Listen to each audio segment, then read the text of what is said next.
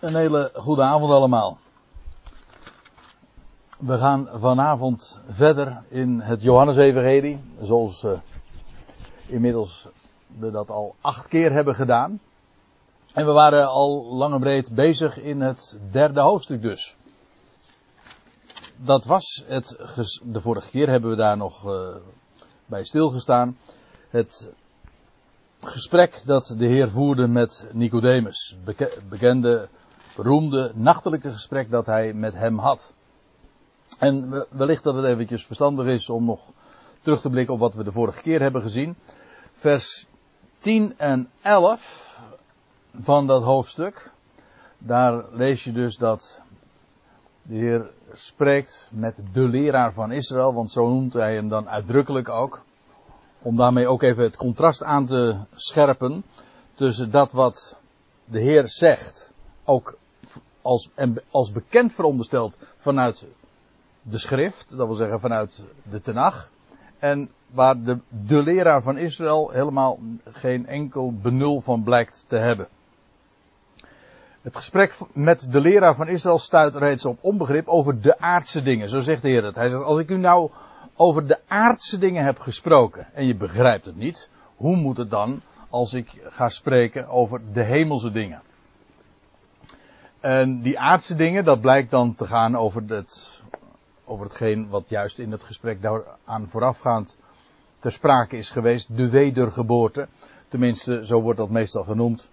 Ik, eh, het gaat niet zozeer om het, uh, het idee van weder, opnieuw, als wel om het idee van dat het van bovenaf is. Het is een, een ge, geboren worden, of nog beter, gegenereerd worden van bovenaf. Degene die voortbrengt, dat is God zelf. Hoe was het ook alweer wat we lazen in Johannes 1, vers 13? Die niet uit bloed, nog uit de wil van het vlees, nog uit de wil van een man, maar uit God gegenereerd zijn. Van Gods wegen. Hij brengt nieuw leven voort. Wel, over dat nieuwe leven, daar gaat het in dat gesprek.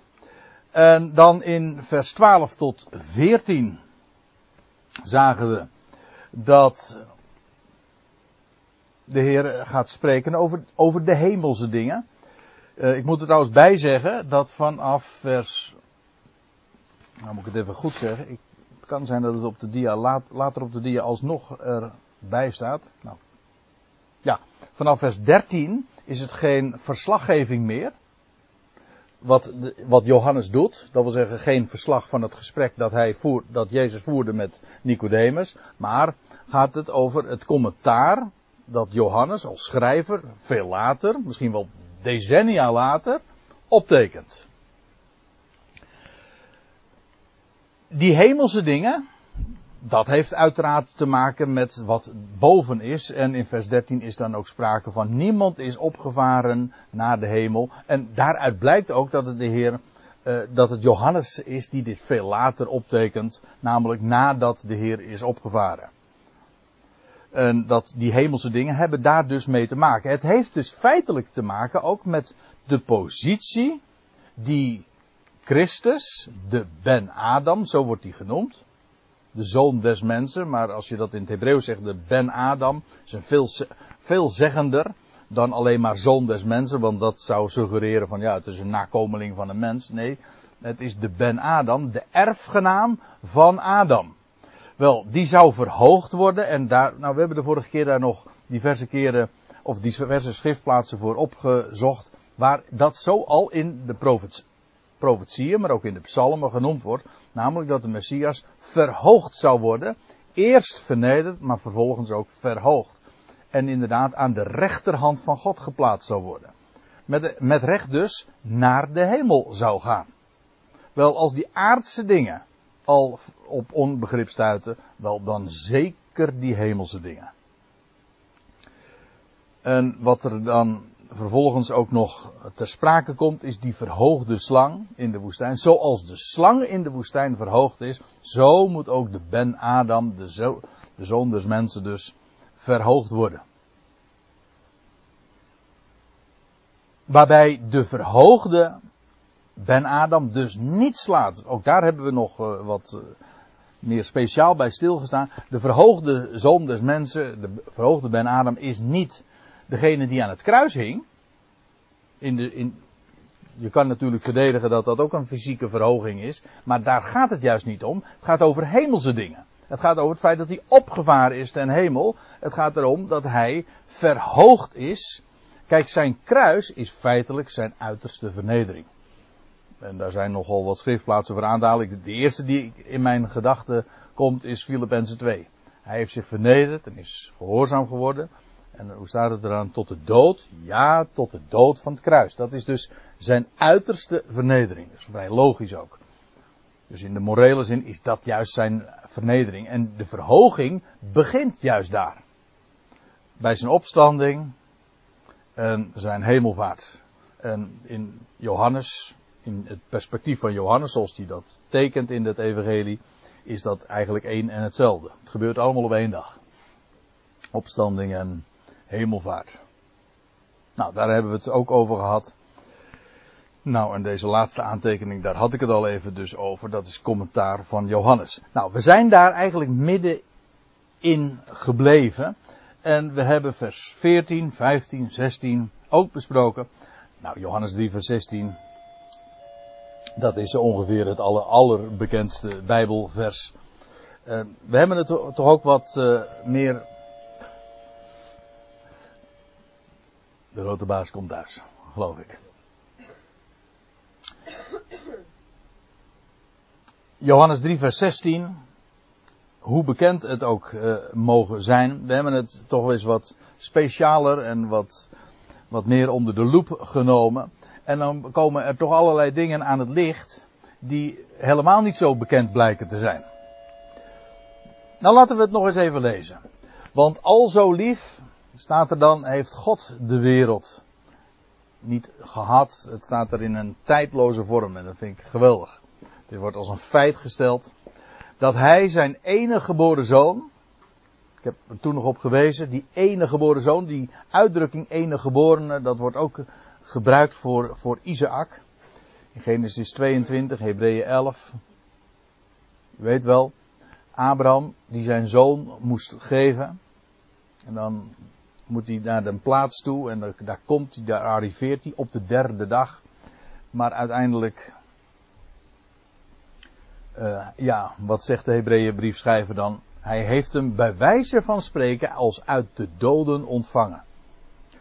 Zodat die uitdrukking de enige geboren zoon ook direct doet denken aan de zoon van Abraham en degene die leeft.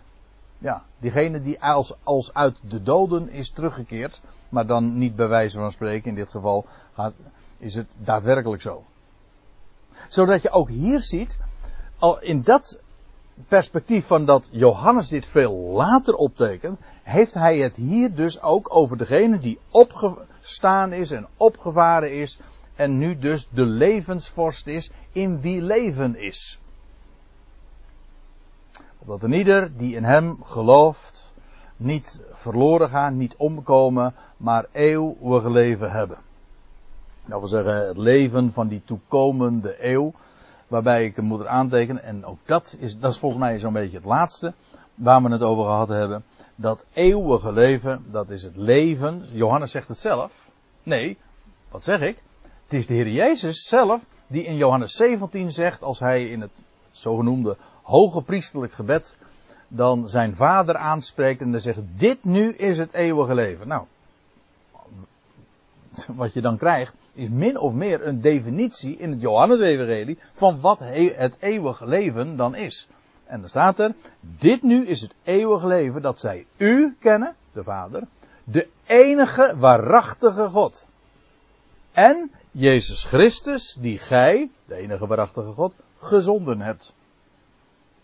En dat is, dat is de inhoud van het eeuwige leven. Het kennen van de enige waarachtige God en hem die die ene God gezonden heeft. En er komt een dag, er komt een eeuw, een aion, waarin de hele aarde gevuld zal zijn van deze kennis. En men zal de enige waarachtige God kennen en de Messias die dan ook daadwerkelijk op aarde zal heersen. En zijn koninkrijk zal hebben. Wel, dat is dat eeuwige leven. Dus het is te mager, denk ik. Het is te mager om te zeggen van ja, het is het leven van die toekomende eeuw. Dat is wel zo, maar waar het juist in Johannes Evangelie om gaat, is de inhoud. Het karakter van dat eeuwige leven. Namelijk het kennen van hem. En in die zin kun je dus nu al ook dat eeuwige leven beleven. Dus hoewel het leven thuis hoort in de toekomende eeuw, is een ieder die die enige waarachtige God kent en zijn zoon, die hij gezonden heeft, wel dan heb je dus het eeuwige leven. En ja, dat is taal à la Johannes, maar uh, bij Paulus zie je soortgelijke dingen. Bij Paulus is het eeuwige leven een uitdrukking die bij, bij, Paulus weliswaar veel minder voorkomt dan bij Johannes. Johannes is degene die het zo vaak gebruikt, dat, die term. Maar ook bij Paulus uh, wordt het gebruikt. Maar ook, Paulus gebruikt het exclusief in de toekomende zin. Het eeuwige leven waartoe gij geroepen zijt. 1 Timotheus 6. Galaten 6, nou ja, er zijn heel wat schriftplaatsen. Maar Paulus gebruikt het altijd in de toekomende zin. Maar dan zegt hij in 1 eh, Timotheus 6, het schiet me zomaar ter plekke te binnen, maar dan grijp het eeuwige leven waartoe gij geroepen zijt. Dat is een, uh, op zich een, wat vreemde term. Dus we zijn geroepen tot dat eeuwige leven, dus dat leven dat wacht in die toekomende eeuw. Maar Paulus zegt tegen Timotheus, grijp dat. Dat betekent toch dat, dat je daar je, je hand op legt, dat je het gaat nu al zou beleven. Dus hoewel het daar thuis hoort, kunnen we het nu al zo beleven. En dat is dan ook de connectie die ik zie tussen wat Johannes hier schrijft, maar ook waar, waar Paulus aan refereert. Nou, één ding moet duidelijk zijn, dat is slechts in hem te vinden. Die enige geboren zoon. Waar anders? Hij is de enige die dat leven aan het licht heeft gebracht. Tot dusver ook bedoel ik. Hij is de enige die in wie opstandingsleven is. Hij is de opstanding en het leven. Nou, en dan gaan we naar vers 17. Want daar waren we gebleven. Tot en met vers 16 hebben we besproken, min of meer. En Johannes 3, vers 17 haakt daar direct op aan. Dat blijkt wel uit dat, eh, dat redengevende voegwoord waar het mee begint. Want. Dus dat betekent, het is een verklaring van het voorgaande. Want God heeft zijn zoon niet in de wereld gezonden. En zo bekend als vers 16 is, zo, nou, zo onbekend is vers 17, is misschien wat overdreven. Maar ik moet u zeggen, vers 17 is uh, vele malen minder bekend. Maar of niet? Dat zal, uh, dat zal toch niemand tegenspreken. Johannes 3 vers 16, dat is een, uh, ja, dat is een, een, een begrip. Terwijl het kennelijk toelichting nodig heeft. Want dat blijkt uit dat woordje want. Hm? Dat geeft tekst en uitleg aan, aan het voorgaande. Anders zou het niet daarmee beginnen. Kijk, wat in het voorgaande gezegd werd, is dat degene die gelooft, die komt niet om. Maar wat, wat dan wel? Wel, die zal dat eeuwige leven hebben. Of die heeft dat eeuwige leven, juridisch bedoel ik, die heeft het nu reeds. Kan het nu ook al beleven. En straks zal het daadwerkelijk ook uh, in de praktijk ja, aanbreken. Dat die eeuw gaat aanbreken, bedoel ik. En ontvangt iedereen dat? Nee, degene die in hem gelooft. En degene die niet in hem gelooft, die komt om en die ontvangt dat leven niet. Ja, dat, zo staat het er gewoon. Ik weet wel dat uh, als je de dwaalleer van de alverzoening aanhangt, zoals ik, en ik zie er volgens mij nog meer zitten, dan heb je altijd, dan heb je de reputatie dat te ontkennen. Alom, als je, uh, juist van de week was het zelfs nog een predikant die dat uh, nou eigenlijk min of meer tegen mij zei, maar over, over mijn hoofd ook tegen anderen. Namelijk dat hij, hij zei zelfs, hij zei het ook zo, zo erg of zo sterk dat de leer van de alverzoening, dat is de gevaarlijkste leer sinds het begin van de kerkhistorie. Nou, een predikant uit mijn eigen woonplaats. Maar toen was het, het, en toen haalde hij ook onder andere Johannes 3 vers 16 aan. Want daar staat toch een ieder die in hem gelooft, die ontvangt eeuwigheid en die komt niet om. En daarmee suggererend, ja, André Piet en degene die in diezelfde trant denken en al verzoening, die ontkennen dat. En nou ja, het zou best kunnen dat er, zijn, dat er mensen zijn die er totaal geen idee van hebben, die dat zo inderdaad naar voren brengen. Maar dan heb je het inderdaad niet begrepen. Dan heb je het echt niet begrepen. Want het, het is zo'n duidelijke waarheid dat degene die gelooft, die zal straks die toekomende eeuw beërven. En degene die niet gelooft, die komt om. Dat is, dat is gewoon Bijbels ABC. Alverzoening, dat was er ook nog zoiets. Misschien mag ik eventjes nog eh, er even aan even op doorgaan. Uh, op wat die predikant zei. Ook zoiets, hè? Want, uh, ja, alverzoening zou dan betekenen. Het komt allemaal goed. Uiteindelijk. Nou, daar, daar zal ik zelf, daar zal ik niks tegen inbrengen. Ik zou zeggen, God zij dank wel. Alles komt goed. Maar dat is niet wat alverzoening betekent. Verzoening betekent niet van God vergeeft alles. Dat is een heel groot misverstand. Want, oh ja, dan, dan wordt er namelijk ook nog gezegd, dat kwam, eh, datzelfde misverstand, het was echt een opeenstapeling, ook echt van misverstanden. Dat is namelijk uh, de bewering dat, nou ben ik even de draad kwijt.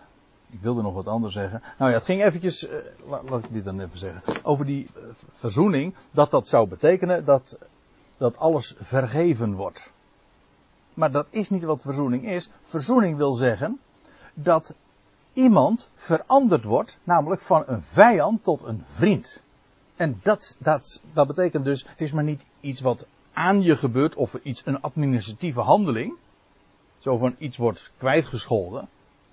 Nee, die persoon wordt veranderd. Je wordt verzoend. God is het die vijanden tot vrienden maakt. Oh ja, dat is wat ik wilde zeggen.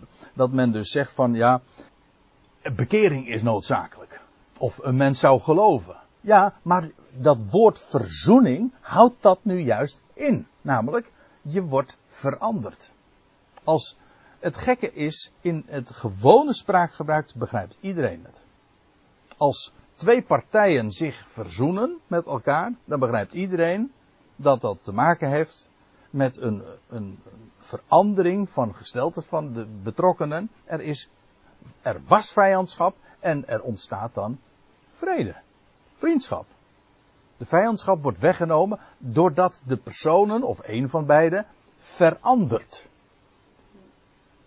Dus alverzoening betekent niet van het, uh, iedereen wordt vergeven. Alverzoening wil zeggen, alle vijanden worden veranderd in vrienden en liefhebbers van God. En trouwens ook van elkaar.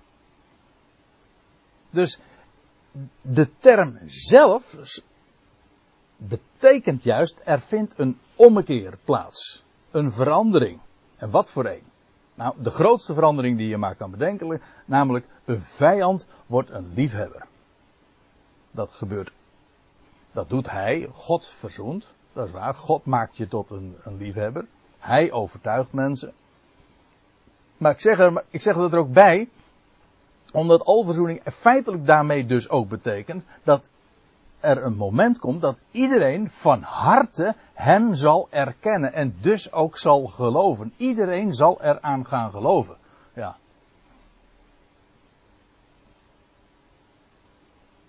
Maar hier gaat het over degene die nu in hem gelooft, die zal eeuwig leven hebben, die toekomende eeuw beërven. En ja, voor die anderen is dat, een, uh, is dat een station verder. Maar daar gaat het hier nog even niet om. Wat een geluidjes hier allemaal, joh. Hè? Hè? Rijk aan geluiden, ja. Maar goed, en dan vers 17.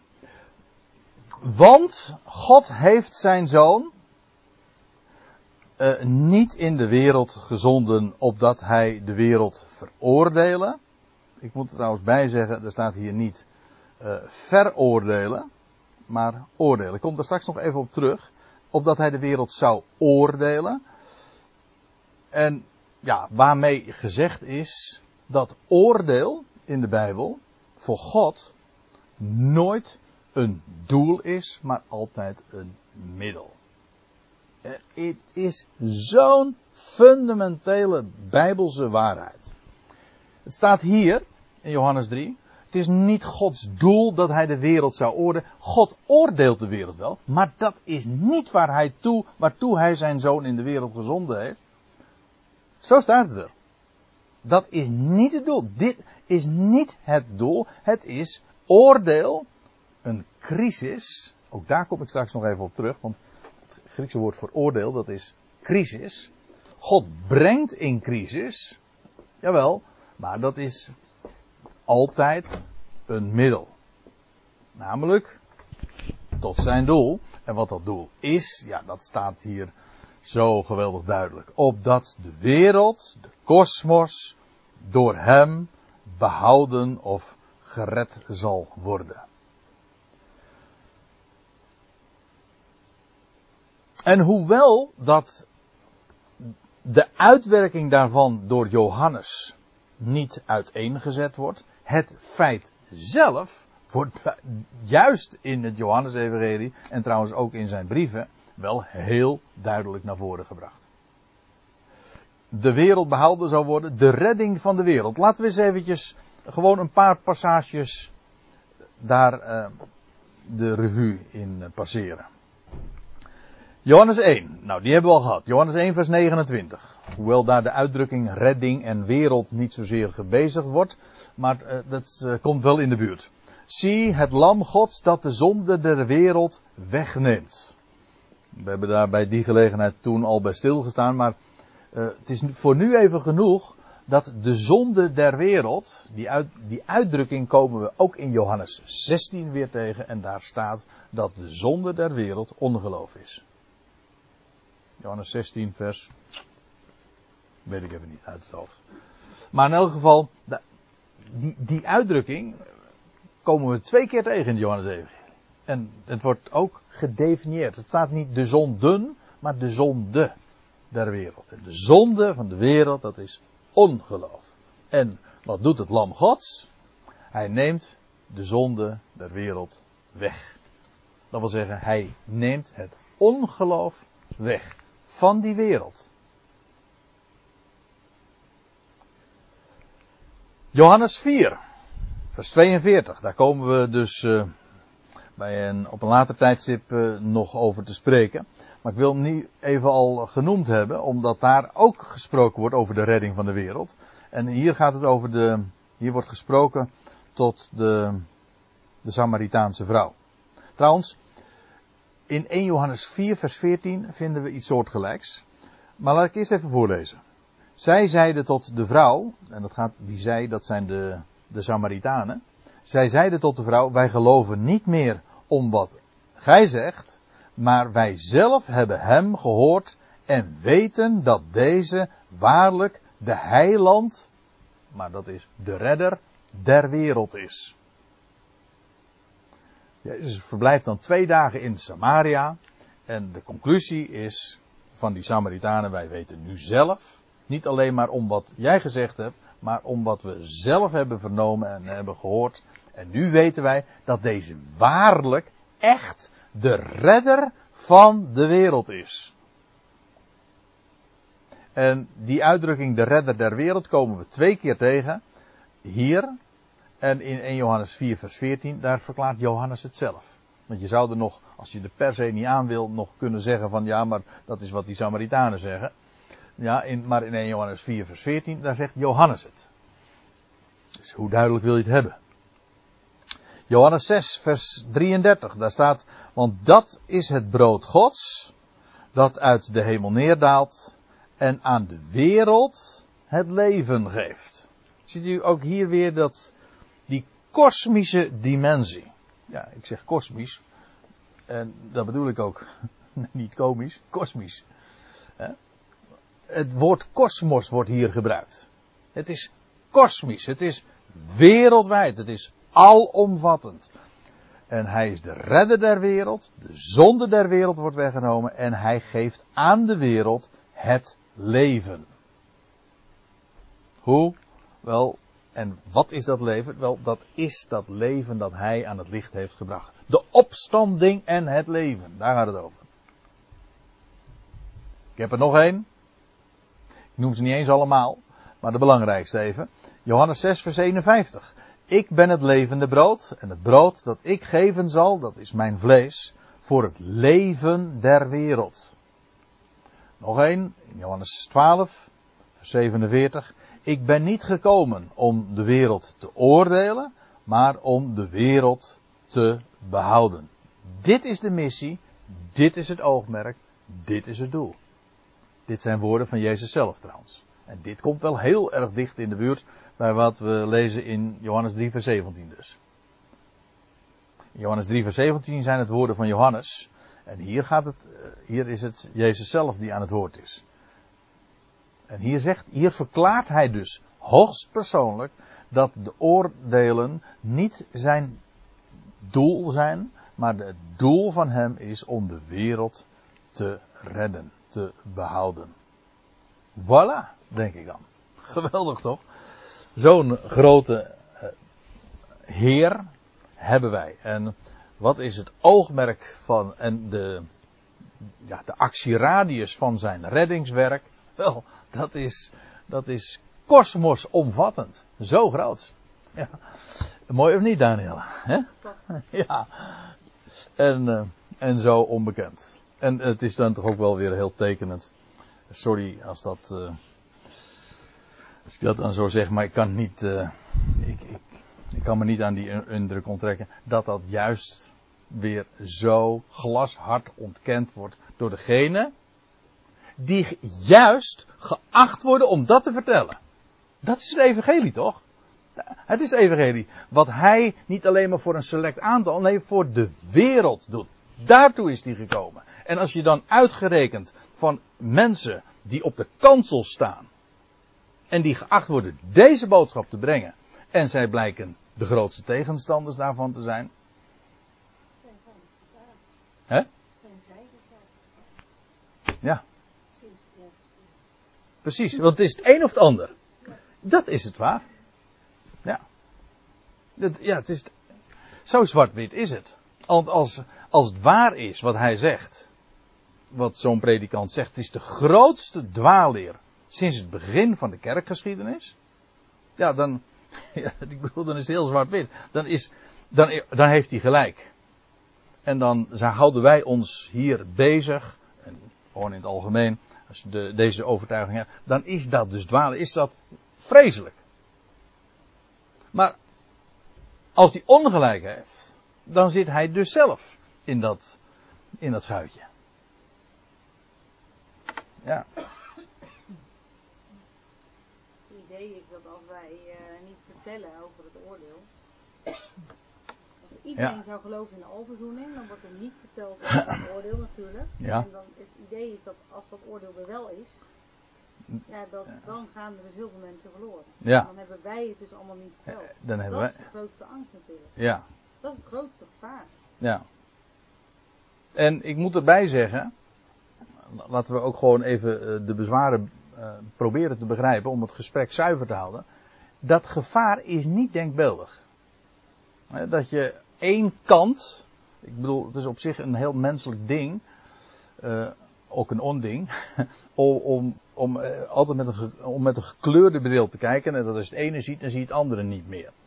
Maar ik, daarom, ik, uh, ik vind het zo belangrijk juist om ook dat wat Johannes zegt, Johannes, daar houden we ons nu mee bezig, over oordeel, over gericht, over verloren gaan, om dat net zo goed te benadrukken. Niet als, de, als weegschaal waarbij je balans moet hebben, maar omdat het in elkaars verlengde ligt. God redt juist door oordeel heen. Laat ik een ander woord noemen. De Psalm 30, vers 5 of 6. Dat een ogenblik duurt zijn toorn en een leven lang zijn goede tierenheid. Dus daar zie je zo schitterend die verhouding. Die toorn staat niet tegenover zijn goede tierenheid. Nee, dat is een uitvloeisel en is juist ook, staat ten dienste van zijn goede tierenheid. Ja, dat karikatuur van je brengt of het een of het ander, dat, dat klopt niet. Juist als je het oordeel als iets definitiefs ziet, dan is dat een, een blokkade om nog iets van Gods liefde te zien. Dan zou zijn gericht en de dood en het verloren gaan het laatste woord hebben voor een groot deel van zijn schepping. Dan is het niet meer zijn liefde en genade die overwint. Omgekeerd, als je het oordeel in het juiste perspectief plaatst, namelijk als ten dienste van, van dat oogmerk dat hij heeft, ja, dan hoef je niks weg te redeneren. Dan is het ene zelfs noodzakelijk voor het ander. Dat is dus vers 17. Geweldige waarheid. De wereld door hem behouden worden. En dan lezen we verder in vers 18. Wie in hem gelooft, wordt niet veroordeeld. Ook hier moet ik zeggen, uh, staat niet veroordeeld, maar geoordeeld. Dat woord veroordeeld, of veroordeling gewoon als begrip, kata krino, crisis en alle varianten van dat werkwoord, en van het zelfstandig naamwoord, dat is, uh, dat is oordeel. Als dat voorzetsel kata ervoor staan, dat wil, dat wil zeggen eigenlijk neerwaarts. En dat heeft de betekenis van veroordeling.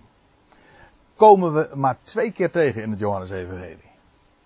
En die, is, die zijn bekend. In Johannes 8, vers 10 en 11, daar lees je over die vrouw, die overspelige vrouw, die was betrapt, u weet wel. En dan lees je dat de Heer Jezus zegt, ook ik veroordeel u niet, ga heen, zondag van u af niet meer. En daar wordt het begrip veroordeling gebruikt. Maar voor de rest nergens in het Johannes Evangelie. Ook hier dus niet. In deze passage, in mijn vertaling komt het diverse keren voor, maar het staat er niet. Er staat niet veroordeling, er staat oordelen. Trouwens, wat dacht u hiervan in Johannes 8? Wat de Heer dan zegt tegen deze vrouw. Ook ik veroordeel je niet. Ga heen, zonder van nu af aan niet meer. Hij zegt het in die volgorde. Vind ik prachtig. Hij zegt niet, zonder vanaf nu niet meer en ik veroordeel je niet. Nee, hij zegt, ik veroordeel je niet. Er is vrijspraak en vanuit de vrijspraak, vanuit die bevrijding, uh, krijgt je leven zin en inhoud en richting. En dan, ja, en dat staat er tegenover zondigen. Zondigen is doel missen. En in, juist als je niet als je bevrijd bent van veroordeling, oftewel vrijspraak, rechtvaardiging, dan heeft je leven juist een doel gekregen. Wie in hem gelooft, wordt niet geoordeeld. En er staat erbij, wie niet gelooft, is reeds veroordeeld. Ook hier moet ik weer zeggen, is reeds geoordeeld. Ik moet er trouwens bij zeggen, ook nu weer, het blijkt al uit de formulering, het gaat hier niet over een toekomstig gebeuren. Wat dat oordeel is, dat zullen we in het volgende vers zien. Staat er, staat er ook meteen bij. Dit is het oordeel. Dubbele punt. Maar hier staat, wie niet gelooft, is reeds geoordeeld.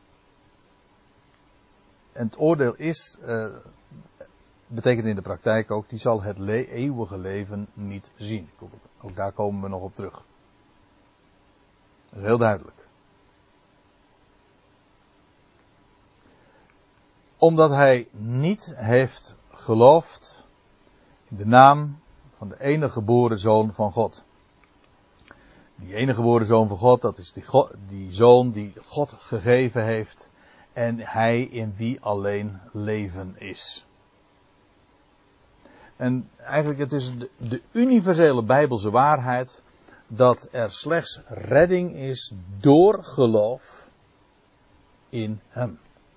Kijk, en dat is nou ook weer zoiets uh, waar uh, we altijd weer mee te maken hebben met die beschuldiging alsof wij, die geloven in alverzoening, terwijl het is gewoon een bijbels begrip, dus ja, wat kan daar op, wat kan er bezwaarlijk zijn om dat te geloven? Maar het idee dat wij zouden ontkennen dat er alleen maar redding is door geloof en door Hem aan te roepen. Het is, dat is gewoon een Bijbelse waarheid. En ik zou niet weten waarom ik, of wie dan ook, daar onderuit zouden moeten komen er zijn ook universalisten, zo heten die mensen, hè, dat zijn heel enge mensen. Maar die universalisten, die geloven dat de hele wereld gered is. En dat is een leugen. Dat is niet waar. De hele wereld is niet gered. De hele wereld wordt gered. Hij is de redder der wereld en dat betekent hij redt de wereld. Some way, somehow. En dus dat feit staat. Maar dat is wat anders dan dat je zou beweren dat de hele wereld gered is. En dat, dat is niet waar. Er is slechts redding door geloof in Hem en door het erkennen van Hem. En zolang een mens Hem niet erkent, en zolang je ogen daar nog niet van open, open gegaan zijn, het is maar hoe je het bekijkt, hè, van, zijn, van zijn kant of voor dat wat uh, de mens daarin doet, ja, dan is er dus eigenlijk geen redding. Dat zie je eigenlijk eh, op elke bladzijde van de Bijbel. En ook uh, de apostel Paulus. Die in, juist vorige week, toen had ik er nog een gesprek over. Toen ging het over Romeinen 10. En daar lees je dat Paulus dit zegt.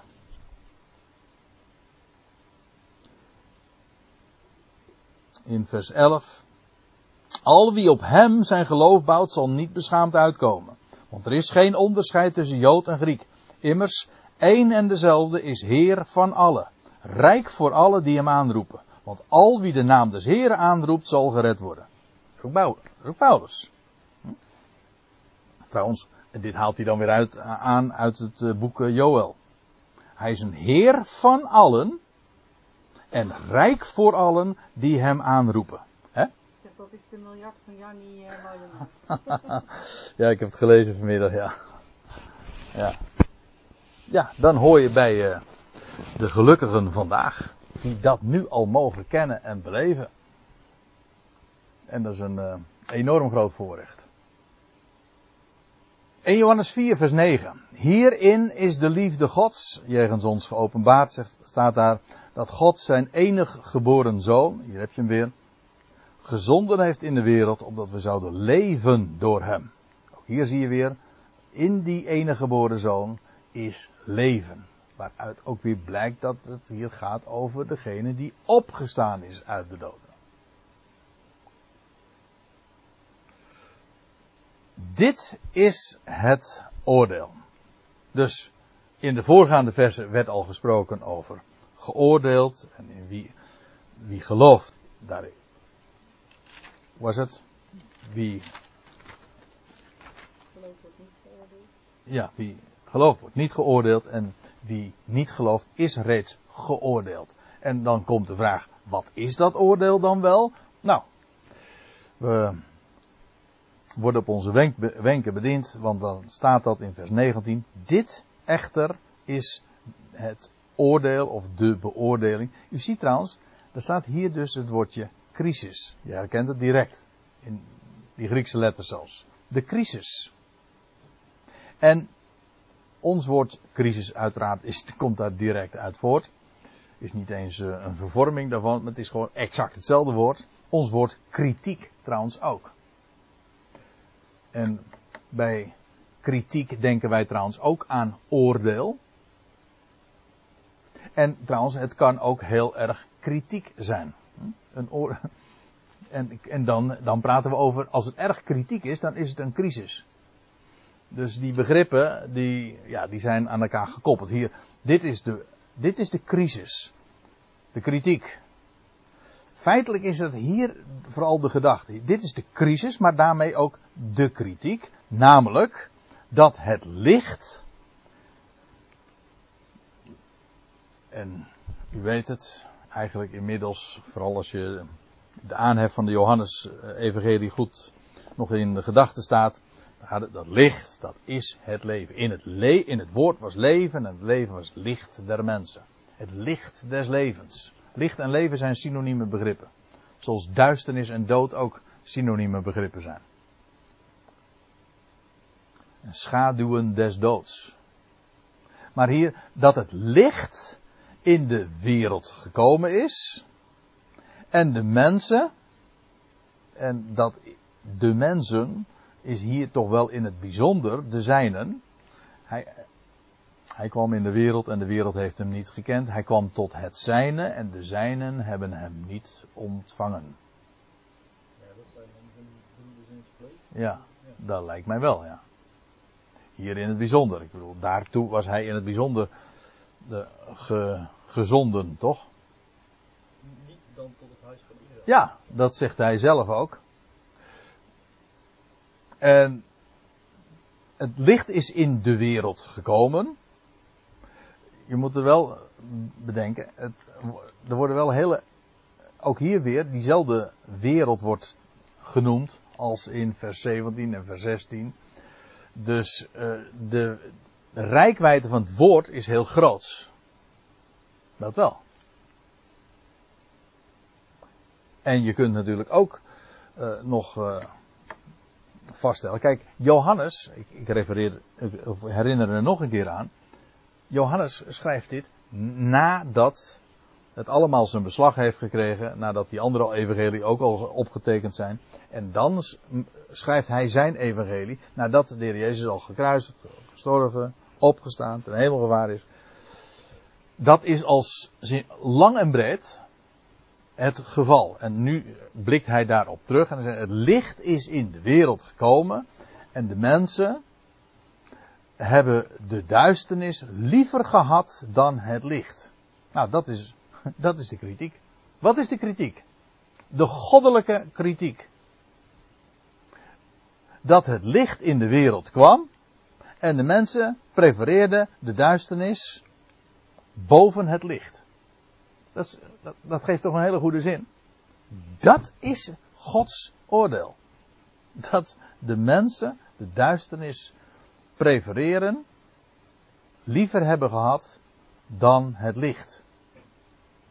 Eigenlijk is het ook zo, en ik borduur nog eventjes voort op waar we het zojuist even over hadden, dat de Heer gezonden was tot het huis Israëls, maar als er één plek was waar hij toch ontvangen zou moeten worden, omdat men hem ik bedoel, men had de schriften, men leefde bij het, bij het woord, men, had de, eh, de, men kende de profeten, et cetera.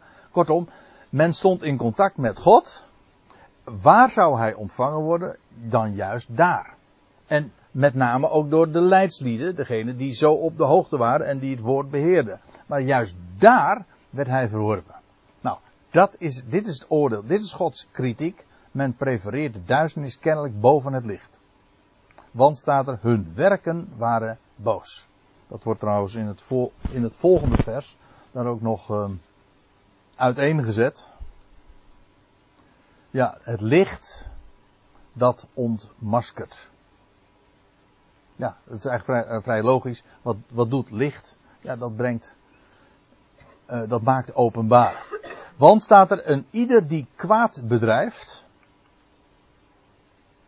En dat kwaad, slechte dingen verrichten, dat is weten dat wat je doet kwaad is. Ik geloof dat we uh, straks nog een, een daarvan krijgen, als ik me goed herinner. Maar hou hem even vast. Degene die kwaad bedrijft, die weet dat wat hij doet duister is, die haat het licht en gaat niet tot het licht. Weet u trouwens daar een mooie Bijbelse definitie van is? Van het licht. Wat is licht? Nou, ik heb uh, een verwijzing hier staan naar Efeze 5, vers 13. En daar lees je dit. Paulus zegt. Maar als dat alles door het licht ontmaskerd wordt. Het gaat me nou even niet over het, uh, de context, maar even puur om de statement aan zich. Dan komt het aan de dag. Want al wat aan de dag komt is licht. En als u een statenvertaling hebt, als ik me niet vergis, staat hier en al wat openbaar gemaakt wordt. Alles wat openbaar maakt. Oh, wat alles. Nou ja, licht is het openbaar maken. Ja, precies. Dus wat is licht? Dat is wat openbaar maakt. En dat lijkt me een hele mooie definitie eigenlijk ook van wat licht is. Licht maakt openbaar. En waarom zouden mensen een afkeer hebben van het licht? Wel, omdat er dan dingen openbaar worden. En als je werken boos zijn, dan wil je dat. Als je werken duister zijn, dan wil je niet dat dat aan het licht komt. Want het kan het daglicht niet velen, zeggen we dan. Ja, ik weet hem, ik ken hem. Ontwaakt gij die slaapt. Ja, sta... op uit de doden en over maar dan zie je dus ook weer dat het licht, inderdaad, de opgewekte Christus, sta op uit de doden en Christus zal over u lichten. Licht is dat wat openbaar maakt. Eigenlijk, wat je hier leest, het is typisch Johannes-stijl.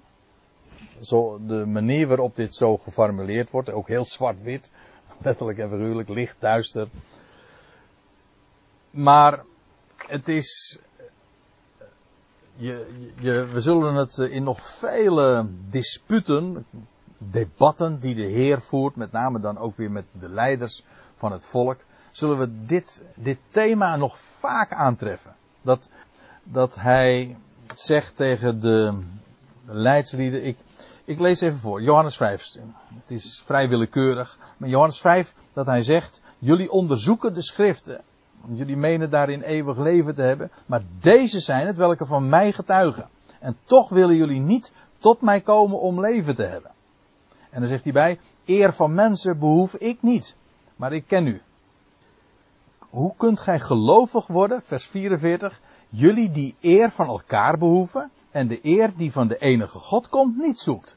Dit, dit, dit is confrontatie met de leidslieden. Hè, die elkaar, zeg maar, eer gaven en uh, namen en titels en daarmee ook eer gaven. Maar waar het werkelijk om gaat, namelijk wat er staat geschreven, daar waren ze, dat gleed af als water van een eend. Het, het raakte hen niet.